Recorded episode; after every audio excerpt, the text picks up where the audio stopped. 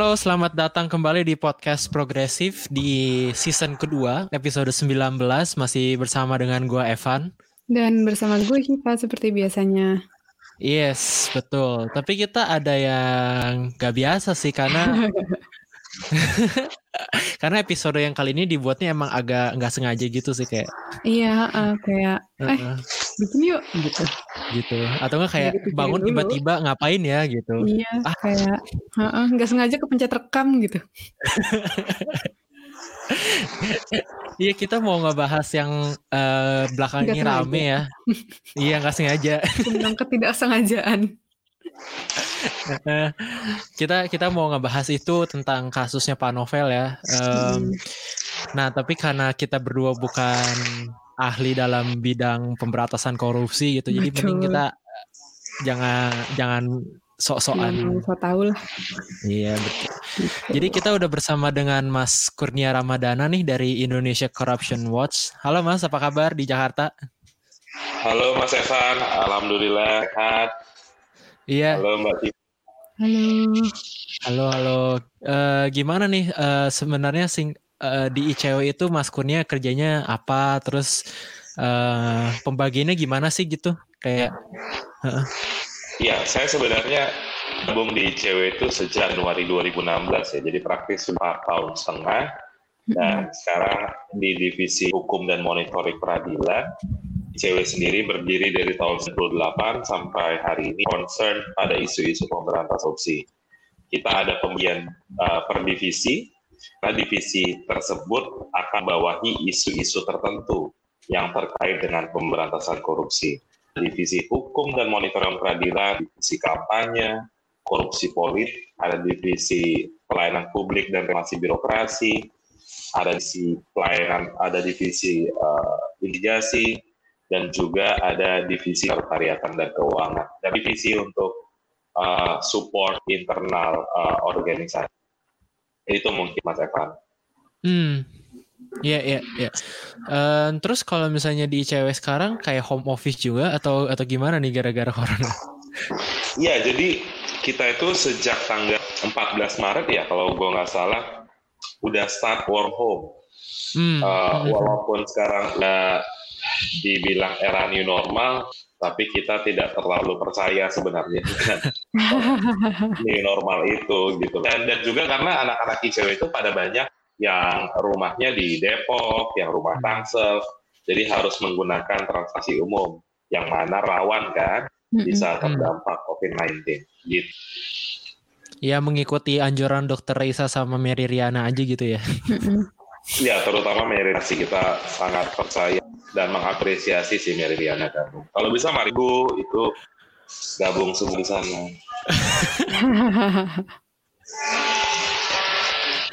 Eh iya nih. eh bunyi apa tuh ya? Tukang roti ya Mas?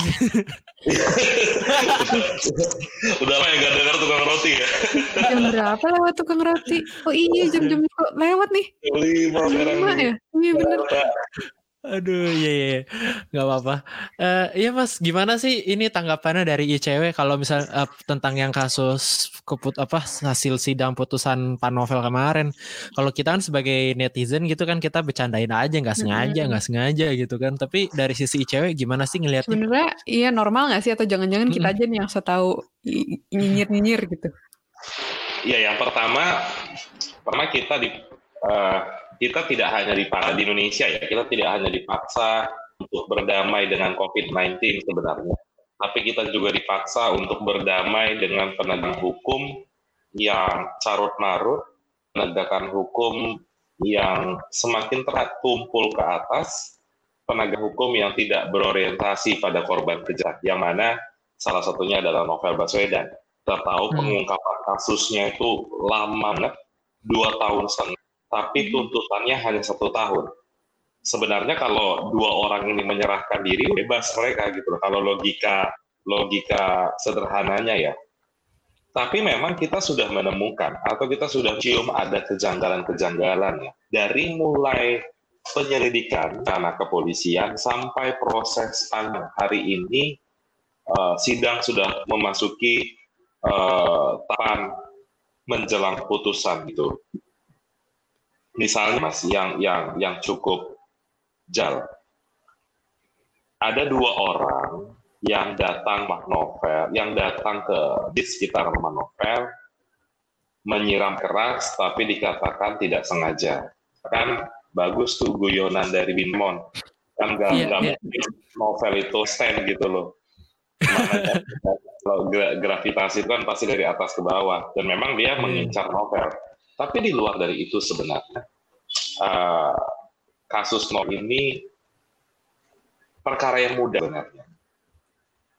Kalau kita tanya ketika 11 April 2017 itu apakah ada barang bukti yang tertinggal? Ada barang buktinya. Botolnya ada. Uh, apakah ada saksi? Saksinya ada. Apakah ada CCTV? CCTV-nya ada. Tapi kenapa pengungkapannya justru membutuhkan waktu yang berlarut-larut? Kalau Mas Evan dan Mbak Siva sempat bukti, ada pembunuhan satu warga di daerah Jakarta Utara sempat heboh saat itu, di mana eh, korban-korbannya banyak di di rumah di, di kamar mandi. Uh, pelaku nyabut membunuh uh, orang tua dari anak-anak tersebut, kurang dari tujuh hari sebenarnya pelaku sudah dapat diri oleh kepolisian. Jadi sebenarnya kalau situasi polisi kita ini hebat, cepat banget mereka kasus kalau mereka mau. Persoalan hmm. sekarang bukan mampu atau tidak mampu, tapi mau atau tidak mau. Dan hari ini kita tiba pada kesimpulan bahwa penegak kita kepolisian memang tidak mau mengungkap ada dua siapa ada tiga sih sebenarnya. Siapa dua orang yang datang ke rumah novel nyiram air keras? Yang kedua siapa yang menyuruh mereka atau aktor intelektual atau bahasa hukumnya intelektual dader? Lalu yang ketiga apa motif mereka? Kalau hmm. kita mendengar sebenarnya dua terdakwa ini kan ketika uh, ditangkap oleh kepolisian mereka apa sih? Mereka bilang uh, kami dendam sama Ini persoalan pribadi. Kan ini nggak masuk akal. Hmm ini ada upaya dari beberapa orang untuk menggiring isu penyerangan ini kepada hanya sekedar individu novel semata. Kami memandang justru sebalik, serangan ini ditujukan kepada gerakan pemberantasan korupsi. Serangan ini ditujukan kepada Komisi Pemberantasan Korupsi yang mana kinerjanya memang sekali mengganggu comfort zone dari pejabat-pejabat publik yang tidak senang dengan uh, pemberantasan korupsi. Gitu Mas Evan dan hmm. Mbak Sita. Uh, kemarin juga kita sempat ngomong-ngomong tentang itu ya sih ya kronologi uh, novel Baswedan itu kasusnya gimana gitu ya? Uh, terus sobat progresif kalau mau lihat ada videonya ya di YouTube dari mana kan channel mana? Di Tirto. Uh, benar. Mungkin Mas uh, Mungkin Masnya bisa ceritain sedikit tentang kronologi kasusnya gitu uh, untuk sobat progresif yang belum pernah dengar sama sekali misalkan. Terus uh, yang menarik juga uh, pernah dirilis laporan tentang buku merah nih. Sekarang perkembangannya udah sampai mana, Mas? Iya, pertama dari rentetan kejadiannya ya. Novel itu diserang tanggal 11 April 2017. Kalau kita tarik ke belakang sebenarnya ada istilah tuh namanya teori kausalitas, teori sebab dan akibat. Akibatnya novel disiram air keras, si penyebabnya. Kami meyakini sebabnya adalah kinerja novel yang selama ini kerap kali menangani perkara-perkara dan uh, dugaan ke negara yang besar. Perkara-perkara dan keterlibatan aktor-aktor yang besar, besar dalam tanda kutip.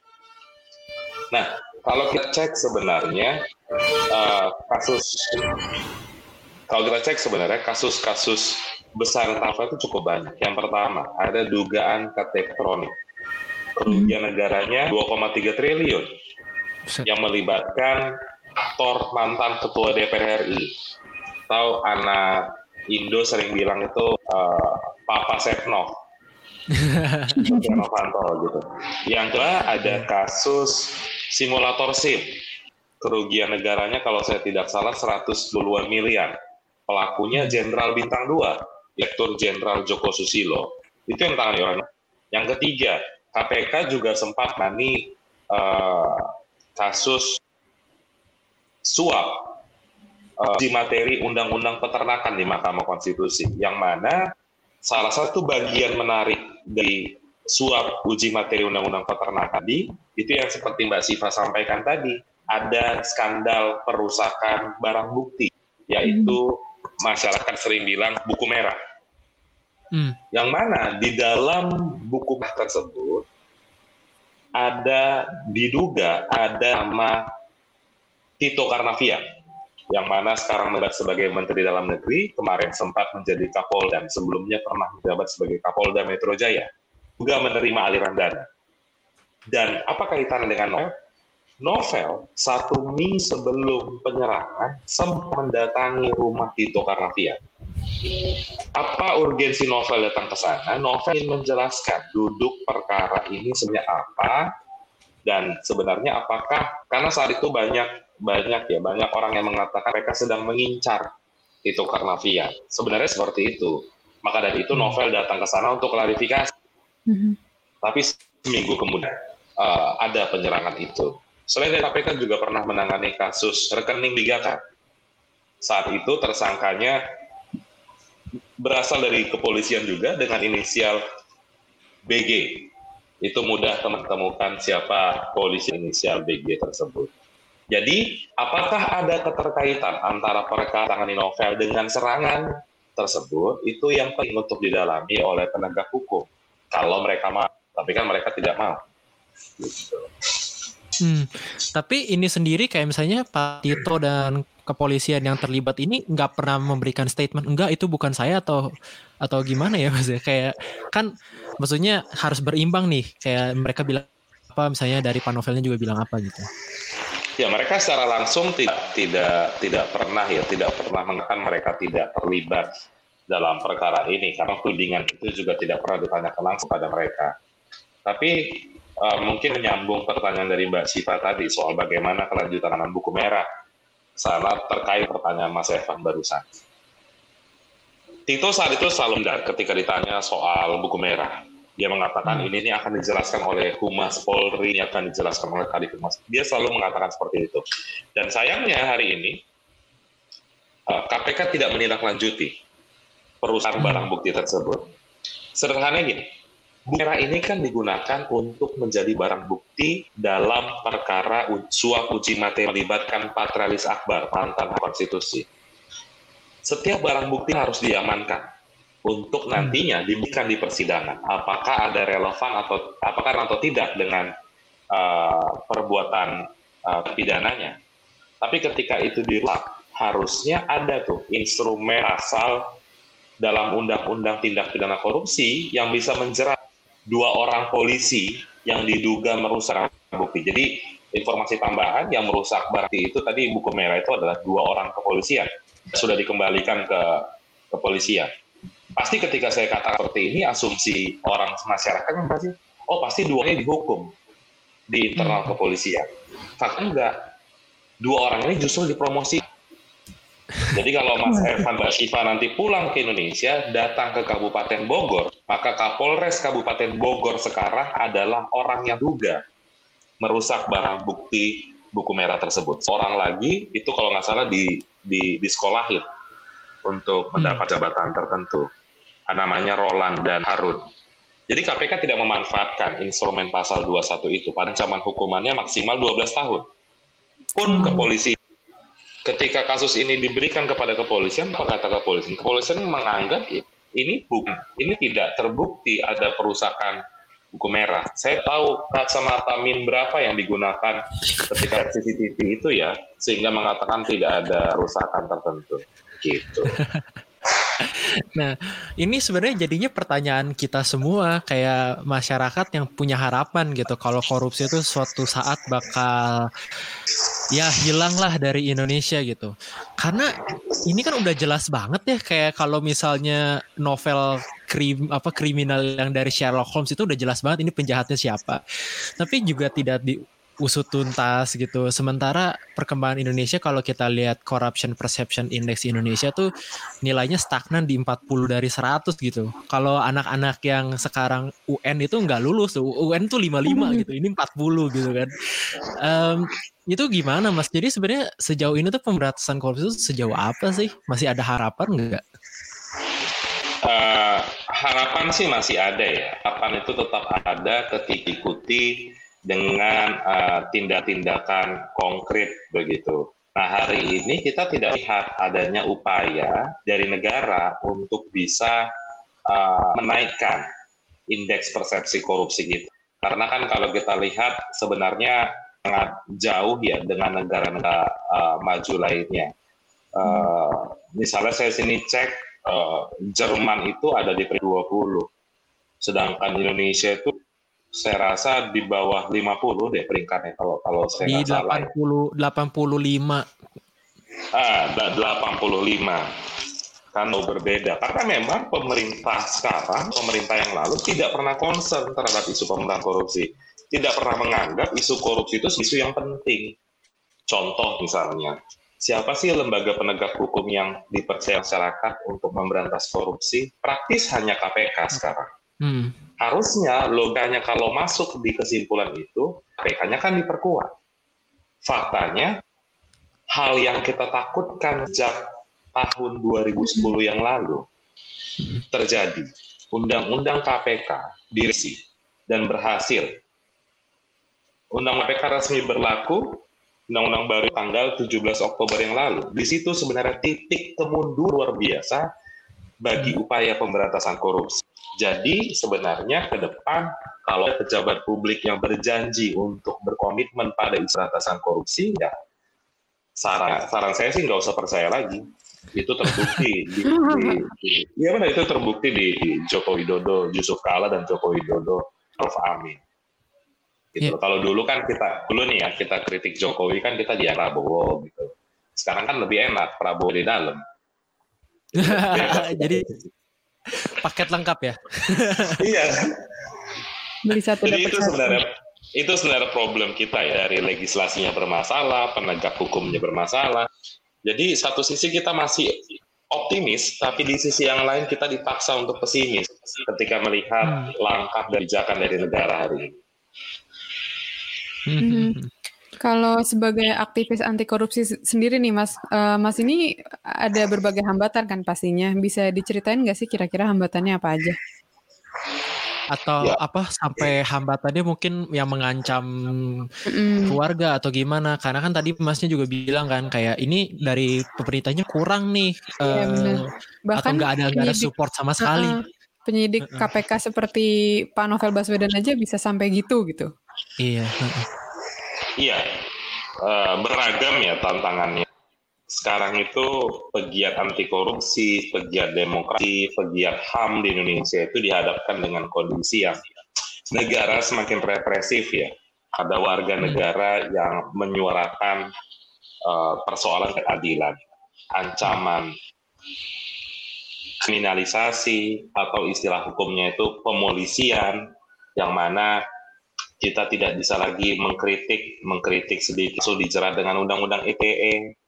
Hmm. Selain dari itu juga ini yang menarik juga ya Mbak Siva dan Mas ketahui. Hmm. Sekarang itu lagi era uh, buzzer menggiring hmm. opini menggiring opini uh, era post truth sebenarnya ya. Jadi hmm, masyarakat yeah ketika itu terus menurutan dianggap sebagai sebuah kebenaran.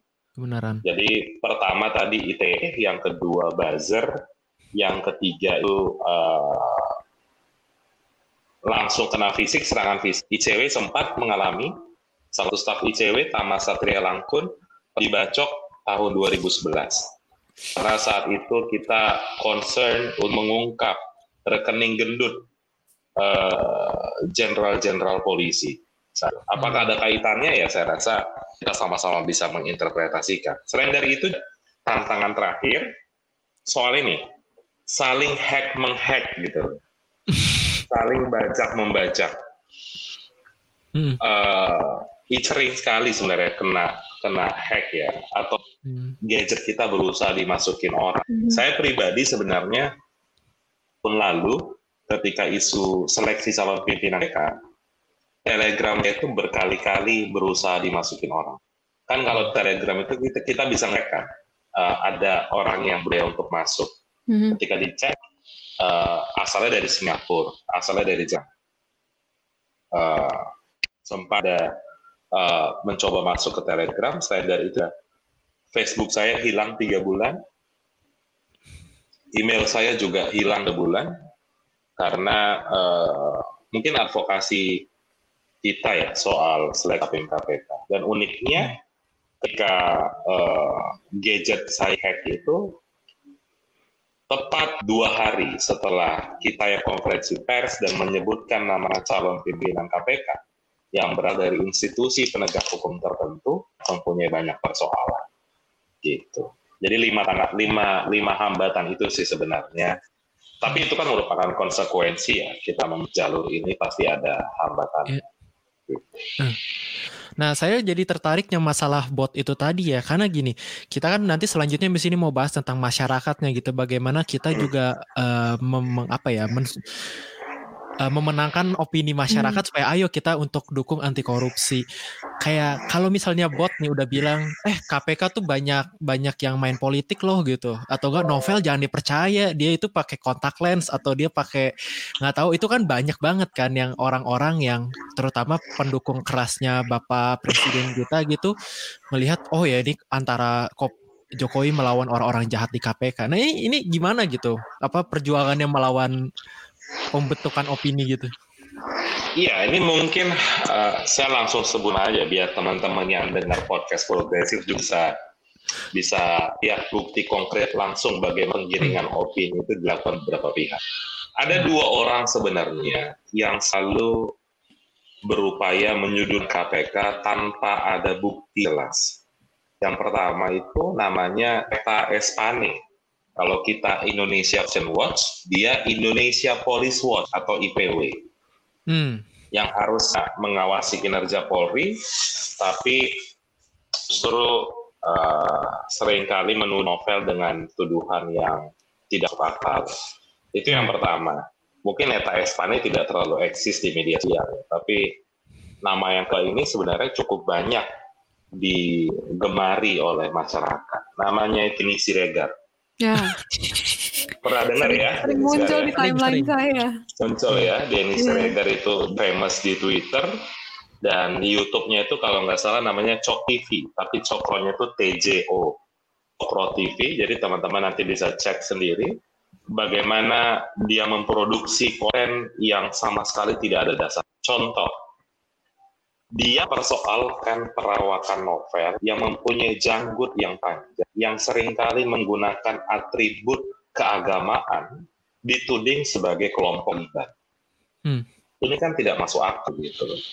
Dan tidak ada kaitannya uh, menggunakan jenggot dengan kinerjanya di KPK. Jenggot hmm. dan muslim itu tidak pernah menjadi KPI di kantor lembaga negara, kecuali menjadi KPI gitu loh baru dipersoalkan. Kan ini tidak pernah seperti itu. Jadi tudingan-tudingan itu selalu diarahkan kepada novel. Dan juga soal kasus uh, dugaan pembunuhan sarang burung walet, uh, kasus sarang burung walet di Belu tahun 2004 yang selalu dialamatkan kepada novel, padahal novel sama sekali tidak terlibat dalam perkara itu. Jadi itu sebenarnya yang menjadi bagi kita semua saya rasa bisa menjelaskan kepada publik bagaimana posisi yang benar begitu. Mm. Jangan mm. sampai justru suara-suara uh, yang menyuarakan soal ketidakadilan ditekan dengan orang-orang model seperti ini. Ya, contoh Binemon deh kemarin. Hmm. Iya. Yeah. Kan tiba-tiba diserang pakai foto dia diedit dengan uh, seakan-akan yang menggunakan narkoba. Tapi emang itu yang terjadi sekarang di Indonesia. Orang dengan mudah difitnah, digiring opini, bot tertentu, sekali dia nge-tweet, yang retweet 6 tujuh ribu misalnya. Orang melihat retweetan yang banyak itu uh, seolah-olah itu merupakan sebuah kebenaran. Gitu. Hmm, hmm, hmm. Iya, iya. Itu gue lihat di Instagramnya Bintang Emon sampai dia tes apa tes ya, tes, uh, iya, di rumah sakit segala ya itu itu Hmm. jenius banget sih itu kayak wah respect respect sama bintang Emon. Jadi memang memang harus iya dia dia dia jenius banget sih dia Iya, langsung benar. memposisikan dirinya bahwa dia memang nggak nggak pernah makan narkoba gitu. Pinter banget, pinter banget. Dan dengan Dan by the humor way, juga. salah by the way salah satu yang nge-tweet itu dia menggunakan foto adik kelas gua pas SMA. What? Jadi serius gua gua langsung chat adik kelas gua akhirnya dia mengklarifikasi gitu. Iya, Gila. Sampai Kan sangat maksudnya ja- jadi gimana ya? Jadi Iya. eh, yang harusnya kita tuh makin maju tapi makin mundur gitu. Iya. Mhm. Jadi kalau kita lihat ya kan sebenarnya yang paling ampuh ya otomatis jelas lah eh, penegakan hukum dan legislasinya yang juga mensupport. Jadi maksudnya bikin hukum dan juga di di enforce gitu ya di di di ditegakkan gitu. Tapi ya mungkin itu masih lama ya Mas ya. Kita berharap tapi mungkin sekarang belum lah ya gitu ya kayak ah, nggak tahu mungkin berapa kali pemilu lagi. Em, jadi sebenarnya apa nih kita yang kita bisa lakukan sekarang kayak supaya minimal ada damage controlnya lah gitu nggak nggak langsung turun tapi minimal dijaga nggak nggak mundur gitu Iya, eh, banyak sebenarnya platform untuk menyuarakan ketidakadilan sekarang.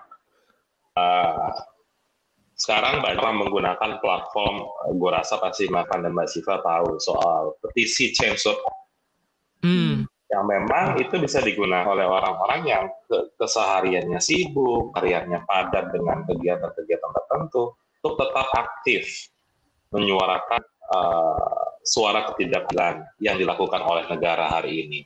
Kalau Anda bisa demonstrasi langsung ke jalan, ya Anda sekedar menandatangani petisi, begitu loh. Hmm. Dan memang kita belum kita belum ada trigger, Mas Evan dan Mbak Siva.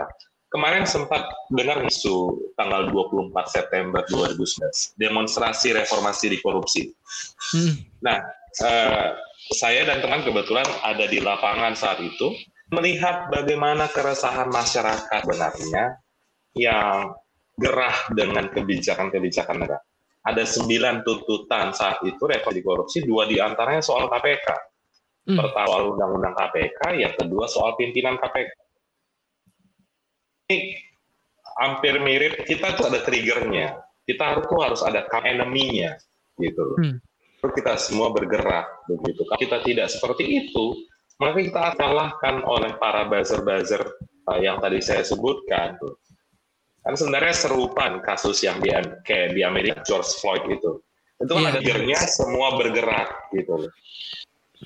Maka dari itu, ini strategi buzzer mungkin ya, karena mereka menganggap KPK itu bisa di, bisa dijadikan der oleh masyarakat untuk bergerak, mereka produksi itu hoax-hoax semua. KPK bisa dibayar, KPK main politik, mau sesuai dengan Hmm. Taliban.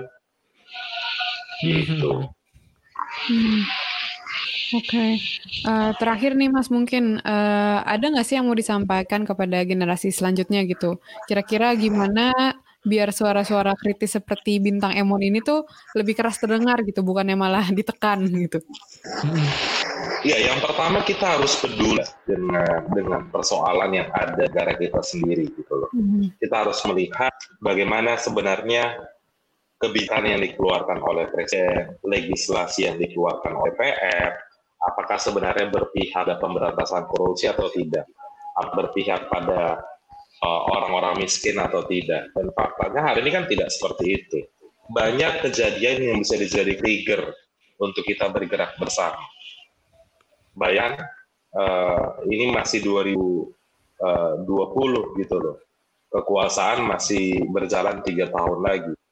Harus ada sesuatu yang kita rubah dalam pola pikir dari eh, pemerintah hari ini. Kita bukan berbicara soal pemakzulan, ya, tapi Hmm. ada beberapa kebijakan yang harus yang dipikirkan ulang. Contoh real sebenarnya soal undang soal eh, undang-undang KPK tadi. Eh, Undang-undang KPK itu kan di permasalahan sendiri bagi legislatif dan eksekutif. Logikanya nih, kan KPK ada problem di dalam. Ya, 100% setuju ada problem di dalam. Tapi logika berfita ketika misalnya, kalau gua analis ada tikus masuk ke rumah lu, maka yang lo harus cari itu adalah tikusnya. Lo keluarin tikusnya.